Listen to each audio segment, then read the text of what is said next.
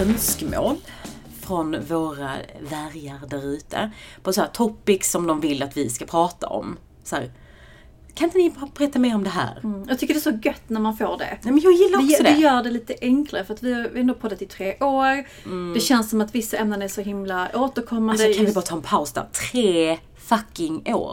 Alltså det är så mycket som hinner hända. Mm. Alltså tre år och fyra månader till och med. Så snart, nästan tre och ett halvt. Alltså det var ju inte så länge sedan vi hade en sån här eh, typ digital föreläsning. Ja. Eller vad, vad kan man kalla det? På sociala mediedagarna. Där vi berättade lite om hur vi hade byggt upp vår podd och sådär. Och det var så roligt för att då pratade vi om det här med att okej vi har poddat i tre år. Men fy fan vad mycket som har hänt under de här tre åren. Ja. Alltså om vi tittar på din karriär, om vi tittar på min karriär. Var vi var i början versus var vi är nu. Mm. Och liksom vad vi trodde att vi ville som vi sen inte ville. Och vet du att allt ändå löser sig. Det har ju alltid löst sig. Och Alltid. blivit bättre. Men jag tänker också för, för, du, för dig som lys, lyssnar och som har lyssnat sen start. fundera lite på vad som har hänt i din karriär sen start. Ja. Alltså det är ändå tre år, det, hinner, man, det är inte supermycket. Alltså så här, folk gör saker i 20 år. Men det, när man tänker på det så här, man kan behöva ibland påminna sig själv om hur långt man har kommit. Ja, men så bara att vi har överlevt en pandemi. Ja, Exakt. Alltså. Ja. Nej men, eh, ja förlåt. Tre år är en extremt lång tid att podda. Så Ja. Mm. vi har ju hållit på med det här länge så vi blir skitglada när ni delar. Ja, ja, fortsätt snälla. Det är så uppskattat. Verkligen. Och en sak som då är återkommande, ett sånt här topic, det är ju det här med starta eget. typ Mm, bli egen konsult. Ja, men liksom åh, hur ska man tänka, hur ska man göra? Mycket av de här praktiska delarna.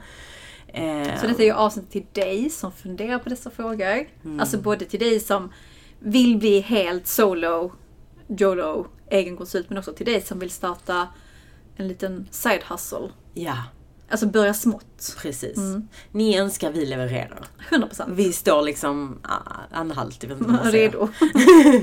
Men först innan vi går in på det här med starta eget så tycker jag att vi ska berätta för våra älskade lyssnare när vi startade vårt första bolag tillsammans. Vi var entreprenörer sedan 2005, tänkte jag säga. Ja men vi hade ju ett IF-bolag som det hette, sån här ungt företagande som är, det är väl typ en typ hittepå-form av bolag. Precis, som man hade liksom x antal kurser som blev hela IF, allt från ja, men starta bolag till personlig försäljning till marknadsföring. Ja. Så ble, blev det liksom ett IF-år som vi hade i tvåan på gymnasiet. Ja. Och vi gick ju riktigt så här, vad ska man, vi gick ju på Civitas eh, som är en riktig så här entreprenörsskola. På den tiden var det ju verkligen tiden. det. Alltså det var ju verkligen så här att man, man skulle ju hitta liksom den nästa Steve Jobs på den här skolan. Han var ju inte så jättehypad då, men liksom, det var väldigt mycket snack kring entreprenörsgrejer. Ja, killarna kom med sin portfölj och liksom, du vet, polotröja med kavaj. Man var snälla. Jag skulle knäcka nästa liksom, konsumentbehov. Man var snälla Johan, sätt dig ner. Men det var ju så roligt, vi hade ju IF tillsammans. Ja. Kommer du ihåg vad det hette? med två andra. Sedu- Seduction IF. Hette Seduction Det är ju IF. låt, det är ju Snoop Dogs Så slampigt namn, Ja. känner jag. Ja, men det var lite vår kategori. Ja, och jag minns inte riktigt hur vi kom in på det här, men det vi då sålde var feromonparfymer. Mm, för att öka lust och kärlek. Ja men typ. Alltså vi hade då på något vänster hört talas om någon liten parfymflaska. Ja, men det var du som hittade den flaskan och så hittade du... fan hittade jag den? Jag vet inte, du så påhittig. Eh, vi, vi var också så för vår tid i att bygga ett syfte, alltså bygga upp caset med statistik och data. Och Det var ju liksom så, jag tror vi sa det att gnistan tar slut efter x antal år, så köp vår parfym så får ni upp gnistan Ja, i för, förhållandet. för vår målgrupp var ju småbarnsföräldrar. Ja men lite så, eller du som vill vara lite mer attraktiv så kan du öka förmånerna för att liksom bli upp, eh, uppmärksammad. Ja. Det var skitkul och det roliga är att jag minns ju än idag för vi hade ju en sån här liten photoshoot. Alltså vi ville ju bara göra det roliga i bolaget. Ja, Och då hade vi en photoshoot med vår bästa vän Camilla och hennes dåvarande pojkvän Charlie. Där de skulle typ så här ha en lite så här halvporrig photoshoot på stranden. Som då skulle bli liksom vårt annonsmaterial. precis. Kommer du ihåg Det vår visual identity. Och det, alltså hade vi gjort det idag hade vi ju säkert fått, eh, Ursäkta. Jag fick typ en attack. ska vi ta en paus? Nej, det är kört.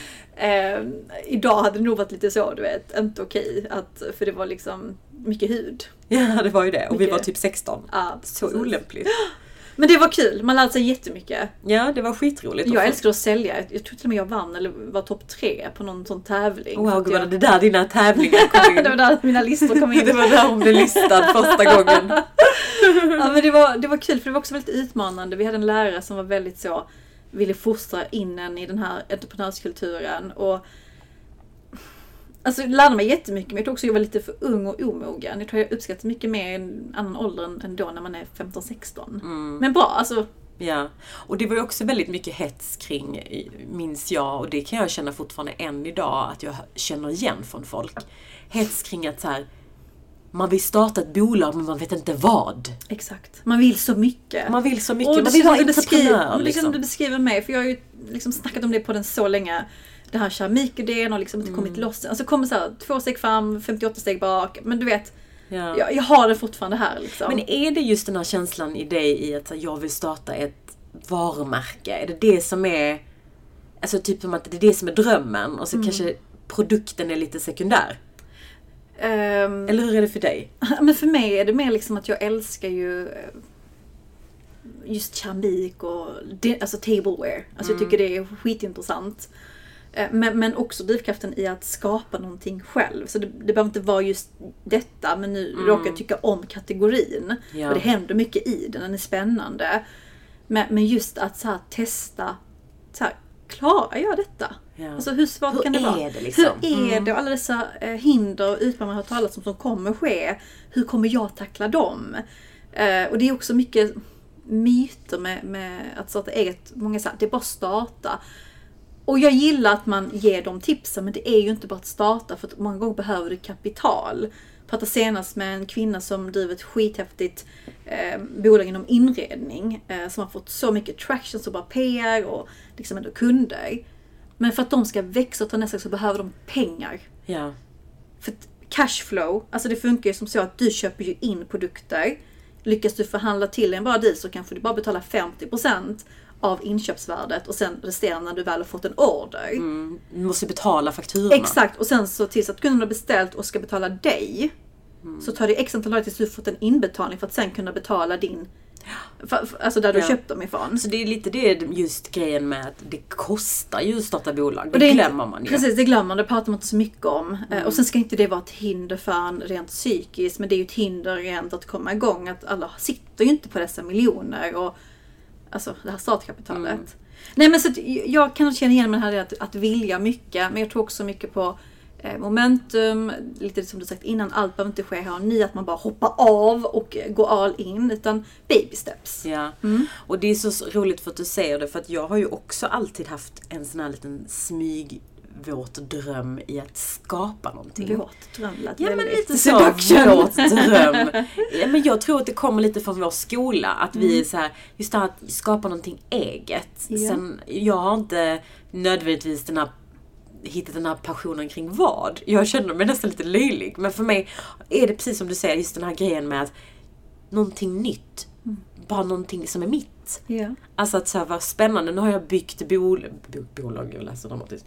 Byggt varumärken åt andra så himla länge. Exakt! Gud, tänk att få bygga sitt, liksom, ett varumärke som man själv har varit med att ta fram från början och produktutvecklat och alla de här grejerna.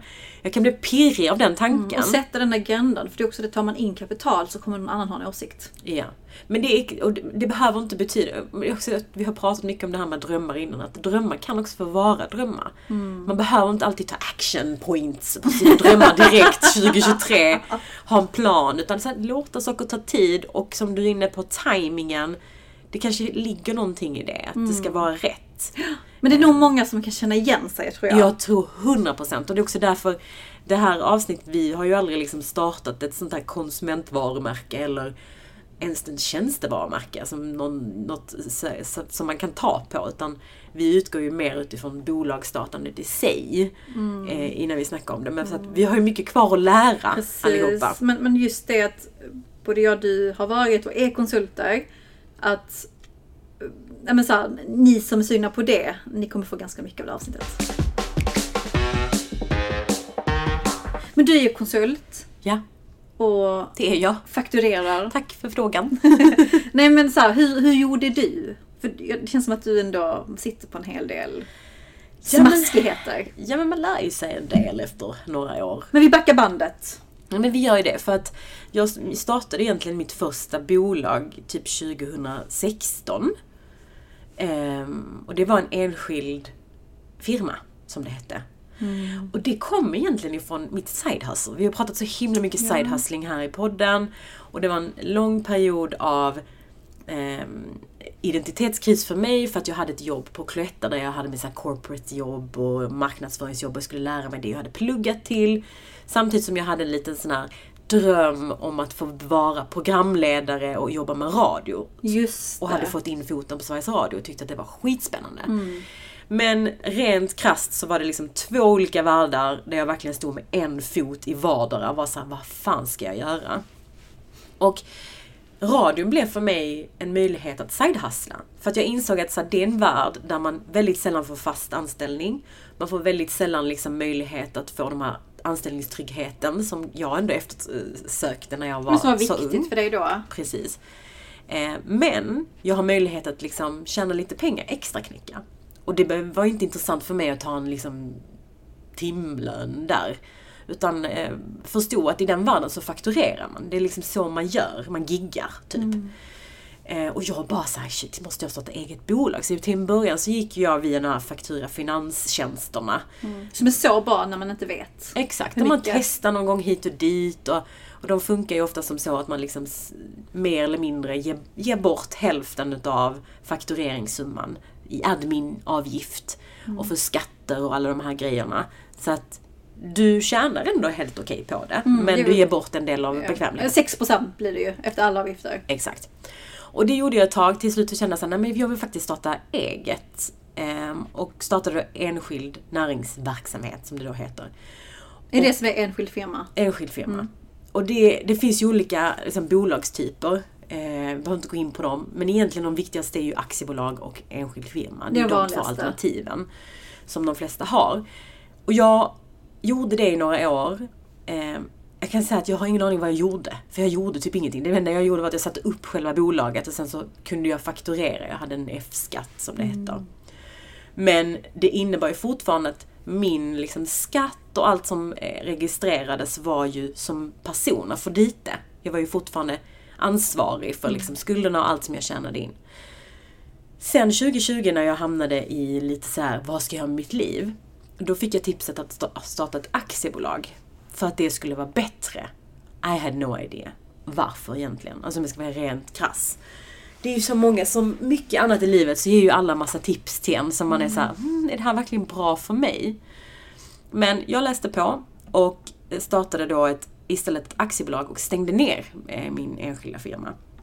Just för att jag ville särskilja mig som person och bolaget. Så att det är det som är grejen och det som är fördelen med aktiebolag. Det är att du har en egen juridisk person som kan ta på sig skulder och kan också ta på sig vinst. eh, Liksom grejer. Så att jag har det separerat från mig som person. Och maxa utdelningen. Och maxa utdelningen och andra skatteförmåner som man kan få av att göra ett aktiebolag. Så jag startade ett aktiebolag. Och jag minns när jag googlade. Fy fan vad mycket jag googlade och gjorde research. För att jag hade ju aldrig gjort det här innan. Och jag kunde inte heller liksom det känns ju, det är ju som en mental spärr i ens huvud att här, åh, vad svårt det är att starta. Alltså vad ska man börja? Ja. Vad ska man heta? Alltså du vet så här, de här sakerna. Så att ehm, det finns extremt mycket bra information. Jag rekommenderar verksamt.se varmt för de som liksom vill ha en s- step guide till hur man gör. Ehm, och läsa på kring alla ah, vad ska man säga, skatteregler som finns. Det finns ju extremt mycket där ute på hur man ska tänka kring utdelning och lön och bla bla bla. Vi ska inte gå in på det, för det alltför Nej men jag tror väl en tumregel är att om du tror att du ska omsätta mer än 200 000 nu får ni googla detta, jag vet inte, men jag har hört detta. Eh, så kan det vara värt att ha ett AB. Men ska man bara testa eh, och inte kanske ta steget helt och ta upp sig för att bli konsult eller starta någonting. Så kan det vara bra att testa en enskild firma till att börja med. Mm.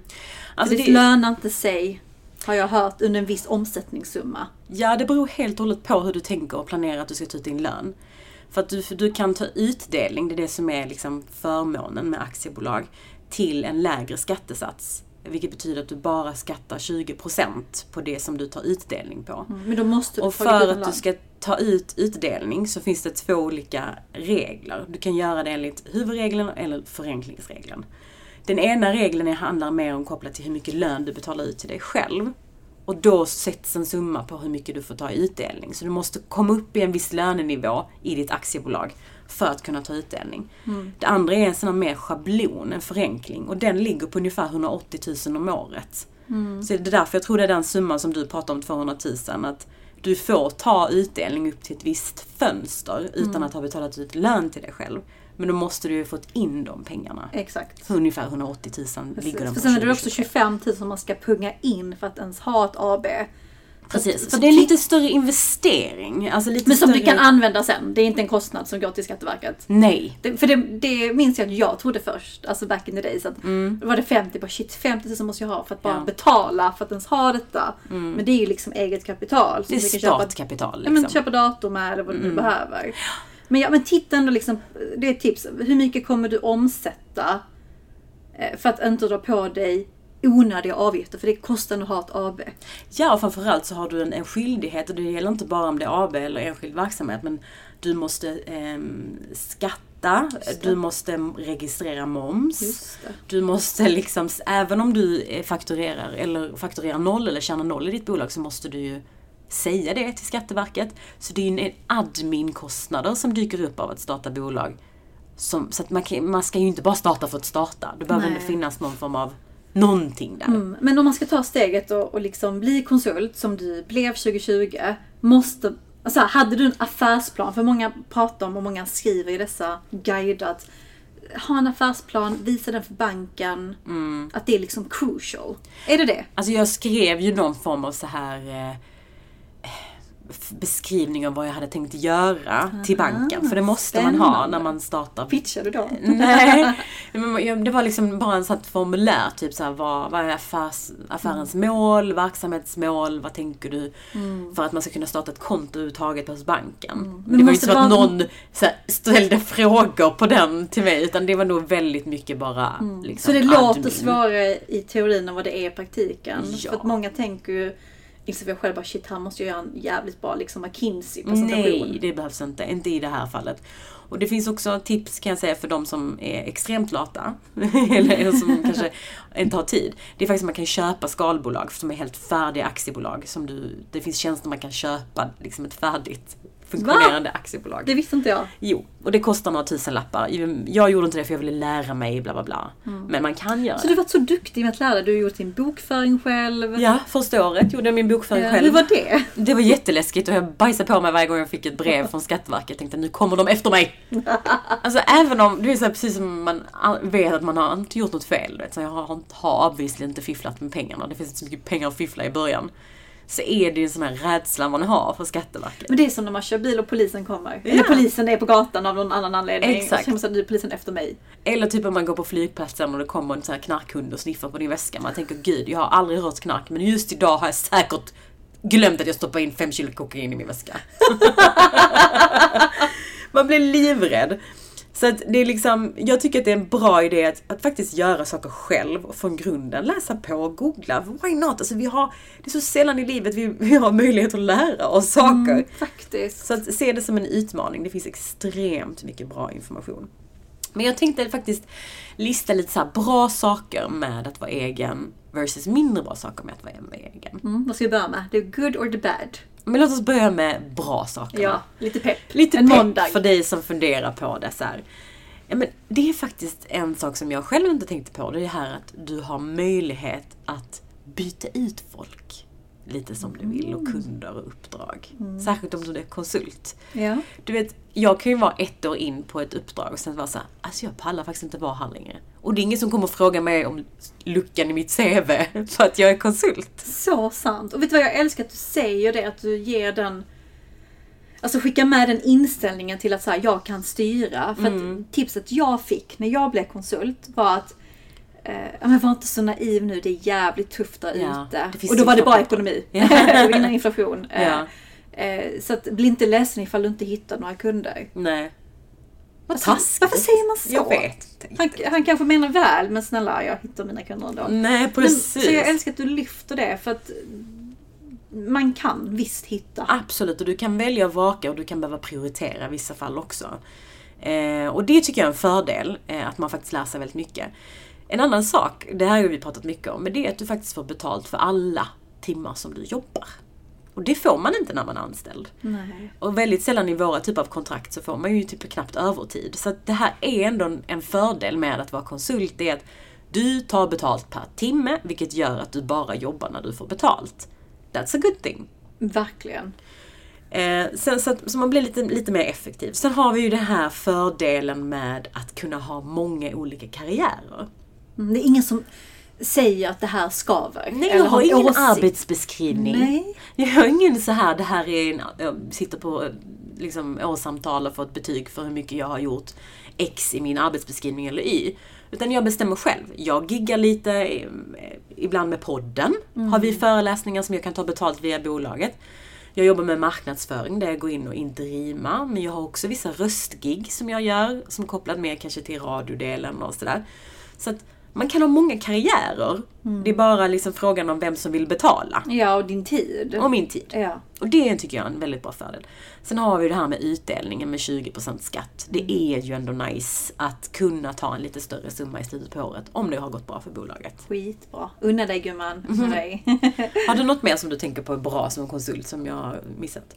Ja men det är just den här eh, som du var inne på att man kan eh, välja, man har val, alltså valfrihet. Ja. Eh, Men, Hoppa men, mellan branscher och sånt. men man kan hoppa runt men också att man kan man behöver inte jobba på ett kontor hela tiden om inte kunden vill det. Men Nej. oftast eh, i dessa tider så jobbar många på distans. Så att jag minns när vi, innan vi gifte oss, eh, då var vi i Spanien eh, en vecka innan och då hade jag ett uppdrag.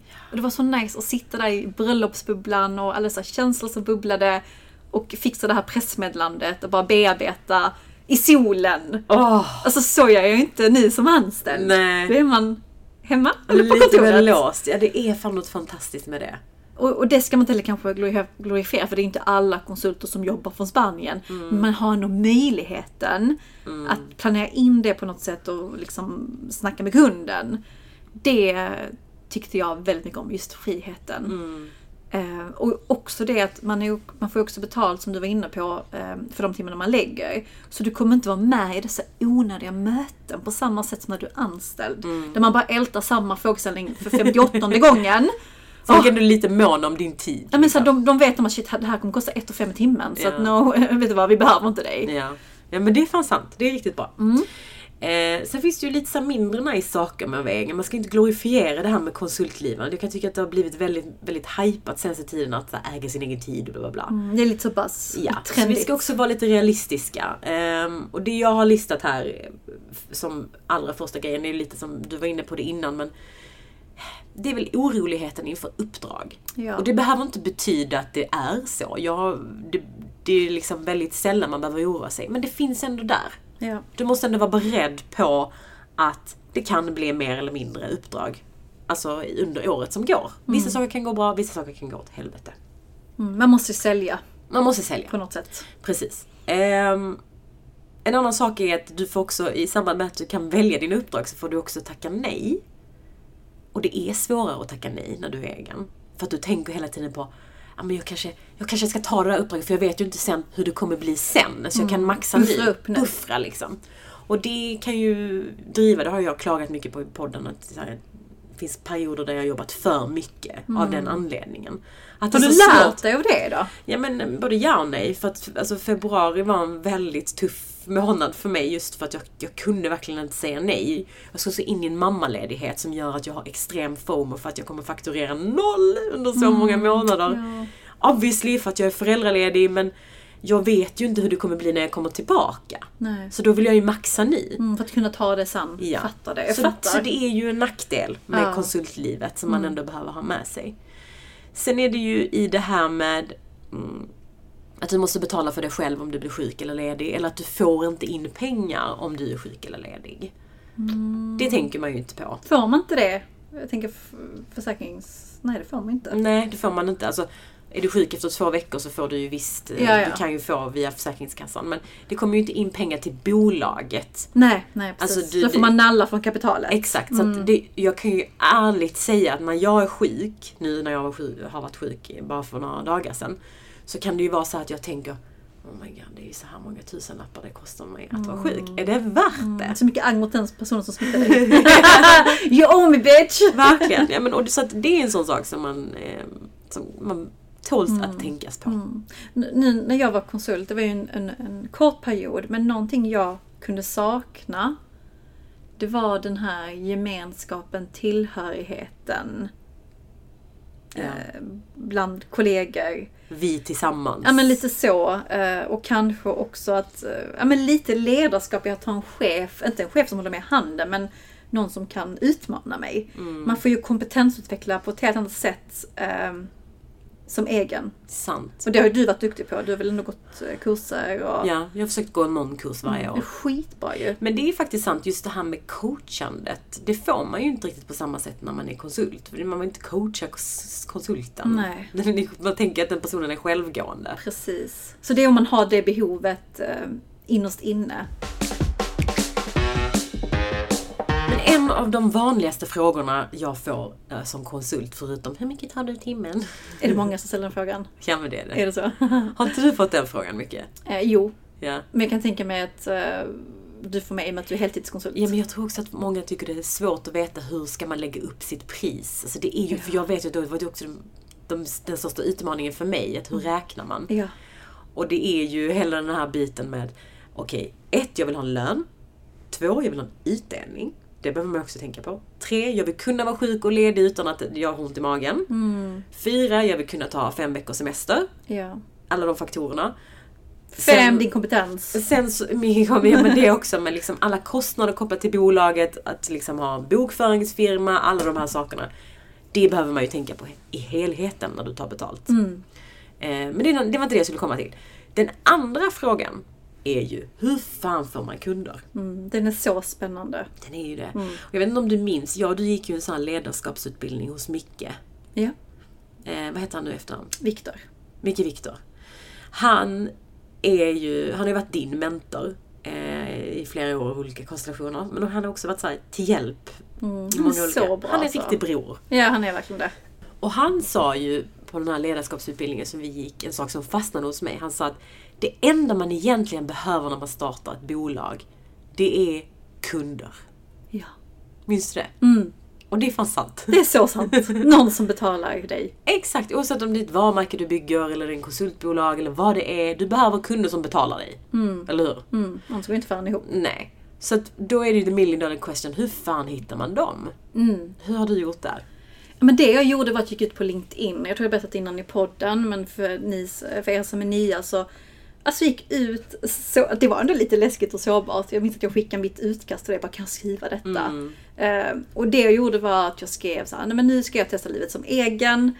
Eh, efter sex, eh, jag vet inte hur många års erfarenhet av bla bla bla. Detta är vad jag kan erbjuda. Och så listar jag tre eller fyra punkter. Typ influencer marketing, PR, varumärkesbyggande och, och något annat. Kontakta mig. Mm. Och fan vad det kom in inkommande kunder. Fick så många leads. Ja, men jag fick min, stör, min största kund var ju via det inlägget. Ja. Så jävla bra. Mm. Hur gjorde du? Men och det är också det, för det är faktiskt tips nummer ett är ju exakt det som du faktiskt var inne på. Att berätta om att du faktiskt har ett bolag och vad du kan hjälpa till med. Mm. Alltså bara en sån enkel sak som du gjorde där. Att så här, ett, hej, jag är ledig. Alltså bara att säga de orden betyder att du kan få lite Mm. uppdrag. Men också att vara tydlig med vad du kan erbjuda. För att det är så många där ute som är såhär, jag kan göra allt. Mm. Och det är inte helt optimalt. Nej, det är framförallt svårt att veta varför jag ska anställa dig. Eller ska jag ta in dig liksom. Mm, Det måste klirra rätt. Exakt. Eh, och det andra är ju också det som du gjorde helt rätt. Be om hjälp. Nu gick du ut på LinkedIn, men på ett sätt så berättar du för dina bekanta att Hej, jag behöver hjälp. Mm. Och det tror jag att man, man ska inte skämmas för att be liksom sina vänner, kollegor, bekanta, whatever, sprida ordet. Mm. Det är så fint när folk gör det, när de sprider ordet.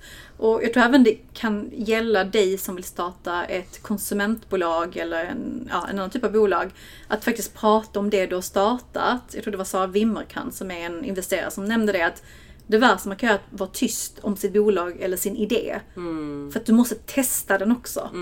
Och att du skapar awareness genom, genom att bara vara öppen. Ja.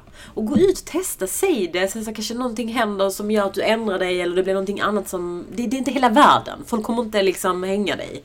Så att jag tror att det är skitbra tips och lite motto att ha i back of, back of the head. Att man inte ska skämmas, man ska prata med så många som möjligt. För man vet aldrig när ett uppdrag liksom kan komma Verkligen. helt enkelt. Ehm, och sen det andra eh, tipset som jag också har kopplat till att hitta kunder. Det är faktiskt att tänka lite på din leverans och ditt rykte. När du väl har fått ett uppdrag. För att de flesta av mina uppdrag kommer från rekommendationer från folk som har tagit in mig. Mm. Mycket smart. Och det blir ju liksom lite ringar på vattnet. Och att också be om det. Så här, när du avslutar ett uppdrag, att så här, känner du någon som behöver någon eller någonting så säg till. Eller vad det Gud vad smart att ställa den frågan. Ja. Kan du, alltså, kan du tipsa mig? Jag tror att är, man kan få väldigt mycket bra utifrån det också. Mm. Och att liksom våga, eller vänta, göra och avsluta saker snyggt på ett sätt som liksom ändå Ja, men så tänka på sitt personliga varumärke som konsult. 100%. Så viktigt. Verkligen. Eh, nej men så att, och det är inte helt lätt det här med att hitta kunder. Framförallt också liksom att sätta till en början när man är ny. Man behöver ändå en portfolio på något sätt. Så att vara tydlig också med vad du har gjort och vad du kan bidra med. Det är liksom, lägg gärna lite extra tid på det nu när, när man är ny. För att varför ska man annars betala dig om liksom, för att du är duktig och driven? Mm, precis. Det nej, räcker inte. Nej, jag måste ha någon typ av kompetens eller någonting som kan underlätta kundens eh, situation där och då. Exakt. Jag gjorde ju en, en liten powerpoint eh, om mig själv, eller pdf. Så här. Ja. Vem jag var, min bakgrund, vad jag har gjort och sen typ så kunder. Mm. Bara för att snabbt kunna få en visuell bild vem jag är för att jag mejlar ju så många. Och ja, man har något att skicka liksom. Ja. Mm, smart. Jättebra. Nej men så att det, det finns massa olika sätt egentligen att, att hitta nya kunder. Det finns ju många där ute som också kan gå. Jag vet att jag till exempel har gått via um, rekryteringsbyråer som har haft interimuppdrag ehm, och velat liksom out, de vill ju hjälpa sina kunder. Precis. Det finns mm, Man kan gå som Uppdragsmäklare. Un- ja, underkonsult, det har jag varit en gång. Precis. Ehm, och det behöver inte betyda att man tjänar mycket, mycket mindre. Nej. Utan eh, det är bara gött att någon annan har huvuduppdraget och så levererar du in till den kunden som sen ger till den andra kunden. Nej men det är jättebra. Och sen också i början så tycker jag inte att man ska vara så petig med vilka uppdrag man tar. Utan ta uppdrag och sen blir det oftast lite mer och så kanske det blir lite, lite större och så vidare. Och så Precis, och så vidare. lär man sig. Det kan också vara så bara att, nu ska man inte rea ut sig, men kanske inte vara så himla kåt på pengarna. Utan att ta dig an ett uppdrag för ett arvode som ändå känns okej så att du ändå kan betala hyran. Mm. Eh, för att sen kunna maxa det arvodet, eller den timpengen senare, eller hos en annan kund. Alltså, jag hade vissa kunder som var startups som knappt var lönsamma. Mm. Kunde ta samma typ av arvode som jag tog till ett, alltså mot ett lönsamt bolag som omsatte miljarder. Och det är faktiskt helt okej att inte ta exakt samma betalt från alla. Mm. Jag tycker inte att man behöver ha den där liksom, särskilt inte i början. Det är precis som du säger, just det här med att vara lite flexibel. Jag tror man vinner väldigt mycket på det. Mm. Speciellt i början när man ska komma igång. Fanns det någonting du eh, inte tänkte på när du började som du sen bara aha? Alltså gud vad jag har gått på många bitar och lärt mig mycket saker. Är det så? Ja men det har jag. Det första eh, som jag vill skicka med alla, det var du inne på i början också, det är faktiskt tänka på det här med likviditet. Har du haft cashflow-problem gumman? Ja men jag har ändå inte haft, eh, kanske cashflow-problem, men jag har inte tänkt på det så mycket. Nej. Alltså för att jag har ju bara, eh, nu har jag en väldigt enkel affärsmodell. Jag jobbar, jag fakturerar. Det finns ju de som behöver ha så lager och lite större, vad ska man Vad säga? har du i betalningstid mot kunder? Är det 30 eller 60 dagar? Vad är, vad är Det är standard? olika. Det är också en sån Är det grej så? som, för många, många kunder, jag har ju jobbat med många större bolag. Större bolag har vissa krav som inte du kan liksom bara, jag tar 30 dagar. Mm. För de har tänkt på cashflow. De har tänkt på cashflow och större bolag brukar till exempel ha 60 oh, det dagar. är två månader. Ja, så att det är en sån grej som man behöver tänka på att du får inte betalt förrän du får fakturan betald. alltså Exakt. förstår du? Så du jobbar lite gratis den första månaden, så kan man ju tänka innan man får in pengarna som du kan leva på. Så du behöver ha lite buffert. Du Mm. behöver tänka på att det kommer att komma in pengar Här och nu. här och nu den 25 så att man liksom har det med sig. Och att man tänker utifrån vilka kunder man har, att vissa kommer vilja ha längre betalningsdagar. Du kanske har vissa fakturor som måste betalas idag. Du behöver tänka på det. Det är typ det. Eh, en annan sak är ju det här med att outsourca sånt som du antingen inte kan eller inte har tid för. Jag var ju väldigt envis och körde mitt, min bokföring ett helt år själv. Och la väldigt mycket tid på det. Ehm, Är det skillnad nu när du tagit Alltså in det är så skönt nu när jag har tagit in en rekrytering, eller en, Rekrytering. en Bokföringsfirma. som gör det åt mig. Och jag bara kan skicka fakturorna till dem och bara här varsågod. Ja, Lägg in det." kvitton och... Ja, Alltså det jag är så värt det. Och jag vill säga det till alla där ute att man ska inte vara dumsnål. Speciellt när man väl har fått upp en verksamhet. Mm. Låt folk som är duktiga på det göra det. Du kan fokusera på det du är bra på. Skitbra tips. Det andra är att faktiskt det här med att ta betalt är väldigt komplext. Vi var inne på det lite grann. Men när man räknar ut sitt timpris som konsult så behöver man tänka på alla kostnader som behöver täckas. Eh, även räkna med perioder som liksom har en buffert för dig själv. Jag i mitt huvud har tre månader där jag inte behöver ha något uppdrag. Som jag räknar in i mitt timarvode. Så att jag alltid kan känna ett visst lugn. Mm. Är det exklusive mammaledighet? Ja, exklusive mammaledighet. Mammaledighet är ju liksom, det får jag av Försäkringskassan ju. Nej, för sig. Men jag tänker ju liksom att Låt säga att sk- skit händer. Låt säga att det blev den mörkaste liksom, undergången i ekonomin någonsin. Jag vill känna mig i alla fall trygg i tre månader minimum. Så att jag har i bolaget även om liksom, jag inte har några uppdrag. Nu har det ju aldrig peppa peppa hänt. Men det skapar ett lugn. Man måste räkna med det när man tar sitt timpris. Så att man vet. Och har det liksom för sig själv. Det är ett bra tips som jag gärna vill ge Ja, men det är bra. Det är lite som eh, när man är anställd så brukar man prata om att man ska ha tre månaders löner sparade. Exakt. Eh, Eller bör ha. Måste, Ja. måste ingen. Och det är inte bara min månadslön utan också kostnader för bokföringsfirman, för allt. Just alltså tutti. Hela verksamheten. Hela verksamheten, att jag ska betala in skatt, att jag ska göra ena med det tredje. Så det blir ju liksom en... Jag har ju en sån här minimumsiffra i min siffra i månaden som jag vet att det tickar på av sig själv. Mm. Den kostnaden. Så det är bra att ha med sig. Och sen sist men inte minst. Du behöver inte ha ett bolag på heltid där du går in all in och du lever på det här. Du kan också side-hustla med ett aktiebolag. Faktiskt. Och det tror jag är en sån sak som jag lite ångrar att inte jag gjorde tidigare.